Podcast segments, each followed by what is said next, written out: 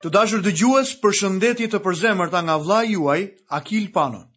Është një privilegj i vërtetë dhe një gëzim i veçantë për zemrën time, që së bashku të mund të ulemi dhe të studiojmë Fjalën e Perëndisë së gjallë. Ju kujtoj që në emisionin e sotëm jemi duke studiuar në librin e Levitikut dhe në kapitullin e 19 të tij. Le të lexojmë një herë në kapitullin e 19 të librit të Levitikut, nga vargu i 19. të respektoni statutet e mia. Nuk do të bashkosh kafshë të llojeve të ndryshme, nuk do të mbjellësh arën tënde me lloje të ndryshme farërash, nuk do të veshësh asnjë palë rroba të endura me materiale të ndryshme. A e dini se çfarë ndodh kur lani një lloj veshje? Perëndia po u mëson atyre të vërteta të mëdha shpirtërore me simbole. dhe ceremoni të ndryshme. Ata nuk duhet të mbillnin bimë hibride dhe të kishin kafshë të tilla. Kjo ishte për t'u mësuar atyre se nuk duhet të kishte përzierje midis së vërtetës dhe të gabuarës. Kjo na jepet gjithashtu edhe në shëmbëlltyrën e Zotit Jezus kur ai flet për grurin dhe egjrën. Ndërsa apostulli Pal tha, Ju nuk mund të pini kupën e Zotit dhe kupën e demonëve. Ju nuk mund të merrni pjesë në tryezën e Zotit dhe në tryezën e demonëve. Krishti tha, Ju nuk mund t'i shërbeni Perëndisë dhe Mamonit. Rikthehemi dhe një herë në kapitullin e 19 të Levitikut, lexojmë nga vargjet 20 deri në vargun e 22. Në qoftë se dikush ka marrëdhënie seksuale me një grua që është skllave e premtuar një njeriu, por që nuk është shpenguar dhe nuk ka fituar lirinë, do të dënohen që të dy, por nuk do të dënohen me vdekje sepse ajo nuk ishte e lirë. Burri do t'i çojë Zotit në hyrje të çadrës së mbledhjes një dash si fli për shkeljen. dhe me dashin e flijimit për shkeljen, prifti do të bëjë për të, shlyerjen përpara Zotit për mëkatin që ai ka kryer, dhe mëkati që ai ka kryer do t'i falet. Këtu flitet për urdhërimin e shtatë. Ky urdhërim e mbron gruan e premtuar. Kjo natyrisht ngre pyetjen. A i jep miratim Zoti skllavërisë? Jo, Perëndia pranon situatën e mëkatshme të shkaktuar nga ngurtësia e zemrës së njeriut, ashtu siç bëri në rastin e divorcit. Ky njihet si mëkat nga ana e njeriut dhe për këtë, ai duhet të bënte një flijim. Gruaja nuk duhet të paraqiste asnjë flijim. Lexojmë më poshtë vargjet njëzet e tre deri në vargun e njëzet e pesë. Kur të hyni në vendin tuaj dhe të keni mbjellë lloj-lloj drurësh frutorë, do t'i konsideroni frutat e tyre si të parrethprera, për tre vjet do të jenë për ju si të parrethprera, prandaj nuk duhet të hahen. Por vitin e katërt, të gjitha frutat e tyre do të jenë të shenjtëruara, do të jenë për lavdinë e Zotit. Vitin e pestë do të hani frutat e tyre me qëllim që prodhimi i tyre të mund të rritet. Unë jam Zoti, Perëndia juaj. Ky ligj mund të duket i çuditshëm për të gjithë ata që nuk janë specialistë të drurëve dhe rritjes së tyre. Na thuhet se nëse vitet e para frutat nuk do të hahen, por do të quhen si të parrethprera, pemët e reja do të rriten shpejt dhe do të prodhojnë fryte të mira. Perëndia e dinte këtë gjë. Mësimi shpirtëror këtu është se frutat e para i përkasin Zotit. Na mëson gjithashtu se çdo gjë e mirë dhe çdo dhuratë e përsosur vjen prej së larti dhe zbret nga Ati i dritave. Lexojmë nga vargjet njëzet e gjashtë deri në vargun e njëzet e tetë. Nuk do të hani asgjë që përmban gjak, nuk do të zbatoni asnjë lloj shortarie ose magjie. nuk do t'i prisni rrumbullak flokët anëve të kokës, as do të shkurtosh fundin e mjekrës sate. Nuk do të bëni asnjë prerje në mishin tuaj për një të vdekur. Nuk do të bëni asnjë tatuazh mbi trupin tuaj. Unë jam Zoti. Këtu jepen gjashtë urdhërime që dënojnë praktikat dhe supersticionin e paganëve. Ata nuk duhet të hanin mishin bashkë me gjakun. Ata nuk duhet t'i prisnin flokët dhe të linin xhufka të vogla në kokë. Ata nuk duhet të vepronin si paganët kur ndonjë i afërm i tyre vdiste. Më poshtë në vargun e 29 të kapitullit të 19 të Levitikut, shohim. Mos e ndot bijën tënde duke e bërë kurvë, që vendi të mos jepet pas kurvërisë dhe të mos mbushet me prapësi. Ky ishte një dënim i praktikës pagane, e cila mbizotëronte në atë kohë midis njerëzve. Kam lexuar se njerëzit në këtë vend shkojnë në shkolla me paratë që gratë e tyre kanë nxjerrë duke punuar si prostituta. Sa e tmerrshme. Lexojmë më poshtë vargun e tridhjetë. Të respektoni të shtunat e mia dhe do të keni respekt për shenjtëroren time. Unë jam Zoti. Sabati ishte shenjë e marrëdhënies së Zotit dhe fëmijëve të Izraelit dhe duhej zbatuar me përpikmëri. Kjo jepet në detaje tek libri i Eksodit në kapitullin e tridhjetë e një të tij. Lexojmë më poshtë vargun e tridhjetë e një. Mos iu drejtoni mediumeve dhe magjistarëve. Mos u konsultoni për të mos u ndotur me anë të tyre. Unë jam Zoti, Perëndia juaj. Ky ishte edhe një nga paralajmërimet e shumta kundër spiritizmit dhe demonizimit. Karakteri supernatyror dhe satanik i kësaj praktike njihet dhe refuzohet nga fjala e Perëndisë së gjallë. Lexojmë më poshtë vargun e 32. Çohu në këmbë përpara atij që ka kokën të zbardhur, nderoje plakun dhe ki frikë nga Perëndia yt. Unë jam Zoti. Njerëzit e vjetër në moshë duheshin respektuar. Kjo përsëritet disa herë në shkrime. Lexojmë më poshtë vargjet tridhjetë e tre deri në vargun e tridhjetë e katër. Kur një i huaj banon bashkë me ju në vendin tuaj, mos e trajtoni keq. Të huajin që banon midis jush ta trajtoni njëlloj si ai që ka lindur midis jush. Ti do ta duash si veten tënde, sepse edhe ju ishit të huaj në vendin e Egjiptit. Unë jam Zoti, Perëndia juaj. I huaji në mes tyre duhej trajtuar në mënyrë të njerëzishme dhe duhej dashur njëlloj si vetja. Ai i huaj do t'u kujtonte atyre se edhe ata ishin të huaj dikur në Egjipt. I huaji ishte një i afërm për ta. Lexojmë vargjet 35 dhe 36. Nuk do të bëni padrejtësi në gjykime për sa u përket masave të gjatësisë, të peshës dhe të kapacitetit. Do të keni peshore të sakta, pesha të sakta, efa të saktë, hin të saktë. Unë jam Zoti, Perëndia juaj që ju nxorri nga vendi i Egjiptit. Veprimet e tregtisë duheshin bërë në mënyrë të ndershme. Masat dhe peshat duhet të ishin të drejta. Fëmijët e Perëndisë Duhet të jenë ndryshe nga të tjerët sepse ata prezantojnë Perëndinë dhe në marrëveshjet e tyre tregtare. Lexojmë vargun e tridhjetë e shtatë. Do të respektoni pra të gjitha statutet dhe dekretet e mia dhe do t'i vini në zbatim. Unë jam Zoti. Perëndia është Zoti. Kjo është një arsye më se mjaftueshme për bindjen ndaj atyre që ai urdhëron. A ke ndonjë gjë që mund t'ia shtosh kësaj? Të dashur dëgjues, këtu kemi përfunduar dhe studimin tonë mbi kapitullin e nëntëmbëdhjetë të librit të Levitikut. Tani duhet të fillojmë studimin në kapitullin e njëzet të këtij libri. Ju kujtoj që tema e kapitullit të njëzet bën fjalë për dënimin me vdekje për ata që ia ofrojnë fëmijët e tyre Molekut. Dënim me vdekje për ata që praktikojnë spiritizmin. Dënim me vdekje për ata që mallkojnë nënën dhe babanë. Dënim me vdekje për ata që kryejnë tradhti bashkëshortore. Krime të caktuara që dënohen më pak dhe në fund do të shikojmë përfundimin e ligjit të shenjtërimit. Në librin e tij për Levitikun, doktor Andre Bonari e quan këtë kapitull paralajmërime ndaj mëkateve të banorëve të mëparshëm. Me fjalë të tjera, ato ishin mëkatet e kananejve. Duket se dënimi me vdekje zbatohej kur thyhej një nga dhjetë urdhërimet. Jo të gjitha ato janë renditur këtu nën Kodin Penal për dënimin me vdekje. Jepen vetëm disa shembuj. Për shembull, në këtë kapitull, dënimi me vdekje për vrasjen nuk përmendet fare. por ne mësojmë për të diku tjetër. Për këtë arsye, unë arrij në përfundimin se dënimi për thyerjen e njërit prej këtyre 10 urdhërimeve ishte vdekja. Zoti vuri në zbatim dënimin me vdekje. Perëndia është i drejtë dhe ai e zbatoi dënimin me vdekje me rreptësi të pakursyer. Në asnjë vend në fjalën e Zotit, ky dënim nuk është dhënë për korrigjimin e kriminelëve. Nuk ishte ky pikësynimi. Dënimi i një krimi bëhej për moralin e mirë të njerëzve. Dënimi ishte strategji frikësimi për krimin. Ai do të priste rrënjët e krimit.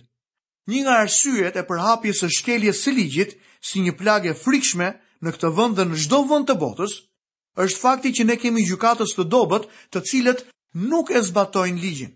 Dëgjojmë shumë njerëz që ankohen për dënimin me vdekje. Perëndia e vendosi dënimin me vdekje për arsye të mira dhe të mjaftueshme.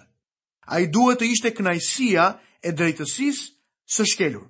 Drejtësia kërkon gjithashtu dhe ndëshkimin. Madhështia, ligji dhe shenjtëria e Zotit u cënuan, kështu që krimi duhej ndëshkuar. Dëgjoni se çfarë thotë Perëndia. Tek libri i Numrave në kapitullin e tridhjetë e pesë dhe vargun e tridhjetë e tre ne shohim, Nuk do të ndotni vendin ku jetoni sepse gjaku ndot vendin. Nuk mund të bëhet asnjë shlyerje për vendin, për gjakun që është derdhur në të, veçse me anë të gjakut të atij që e ka derdhur. Mbani mend se Mateu dhe Luka, në Ungjijtë, na tregojnë se gjaku i Abelit thërret nga toka. Më lejoni t'ju bëj edhe një pyetje tjetër. Supozoni se një kriminel rrëmben fëmijën tuaj të vogël, e kap prej këmbësh dhe ia përplas kokën pas një shkëmbi. Çfarë mendoni se duhet bërë me këtë kriminel? Po flas për fëmijën tuaj dhe jo për fëmijën e dikujt tjetri në ndonjë vend tjetër. Është mjaft e lehtë të jesh teorik dhe idealist për aq kohë sa ti nuk prekesh dhe nuk përfshihesh në çështje të tilla. Në një vend, një burrë rrëmbeu një vajzë dhe e vrau djalin që ishte me të.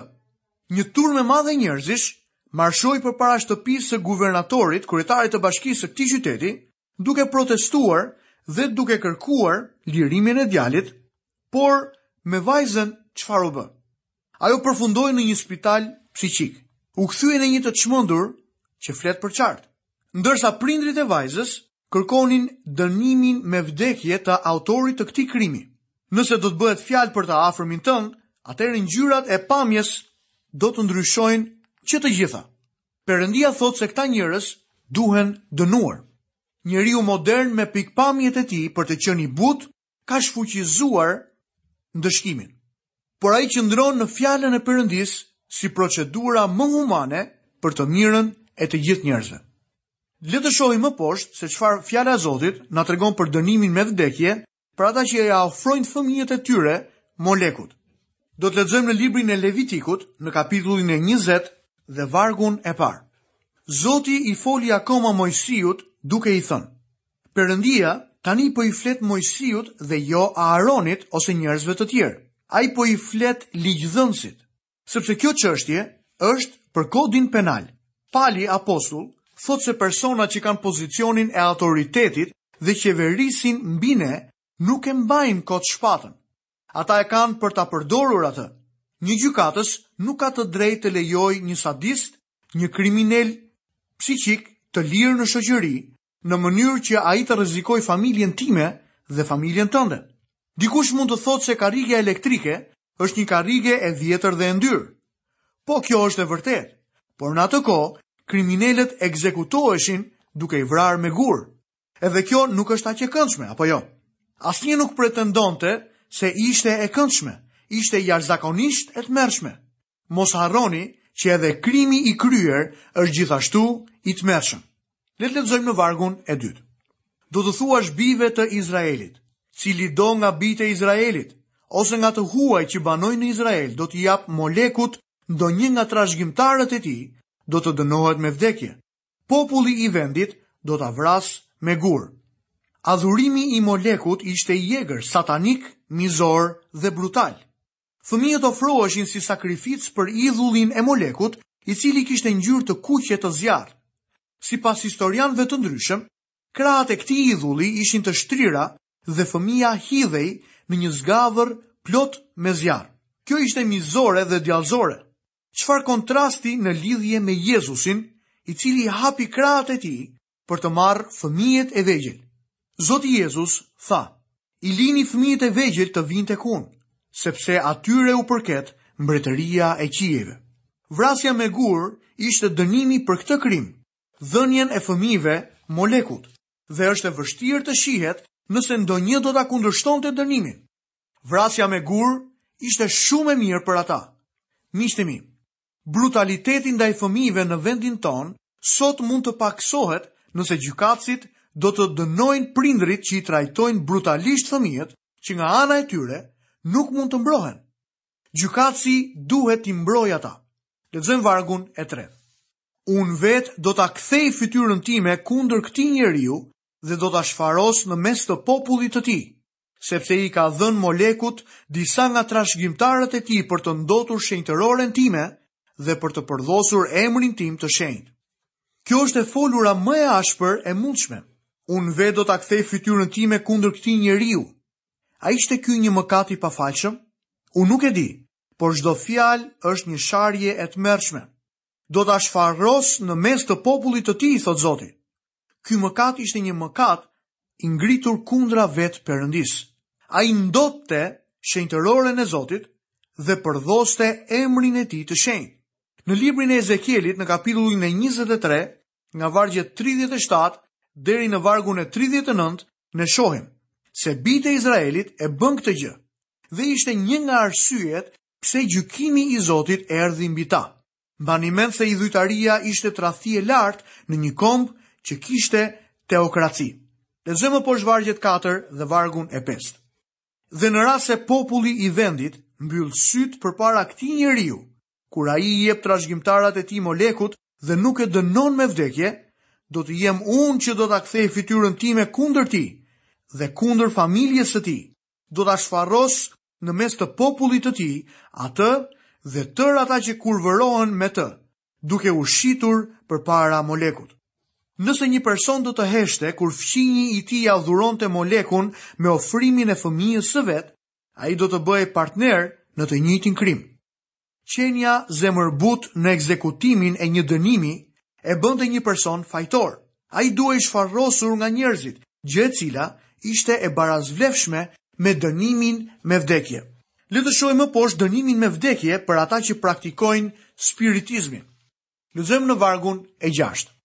Dhe në rast se një person u drejtohet mediumeve dhe magjistarëve për t'u kurvëruar pas tyre, Unë do ta kthej fytyrën time kundër këtij personi dhe do ta shfarros në mes të popullit të tij.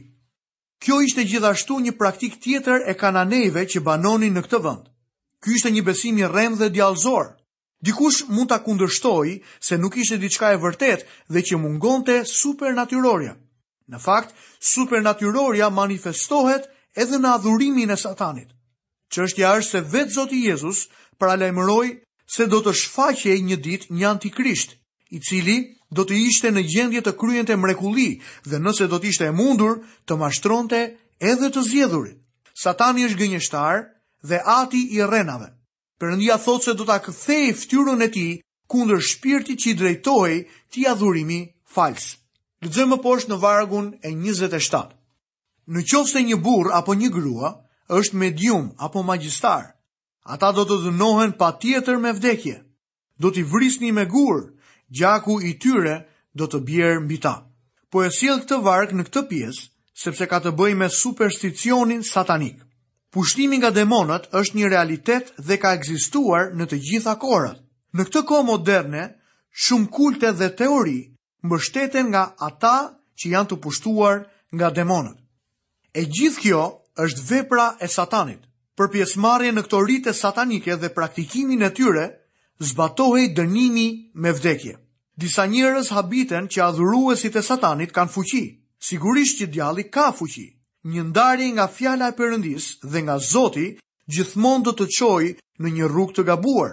Kjo mund të bëjë të lindnin kulte false që neve sot i kemi. Pse Zoti kërkoi dënimin me vdekje për pjesëmarrjen në këto rite satanike të okulteve? Lexojmë vargun e 7 dhe të 8 në kapitullin e 20 të Levitikut. Shenjtërohuni pra dhe qofshi të shenjtë sepse unë jam Zoti, Perëndia juaj. Respektoni statutet e mia dhe i vini ato në zbatim. Unë jam Zoti që ju shenjtëron. Këto vargje japin një arsye të mirë dhe të mjaftueshme për dënimin me vdekje.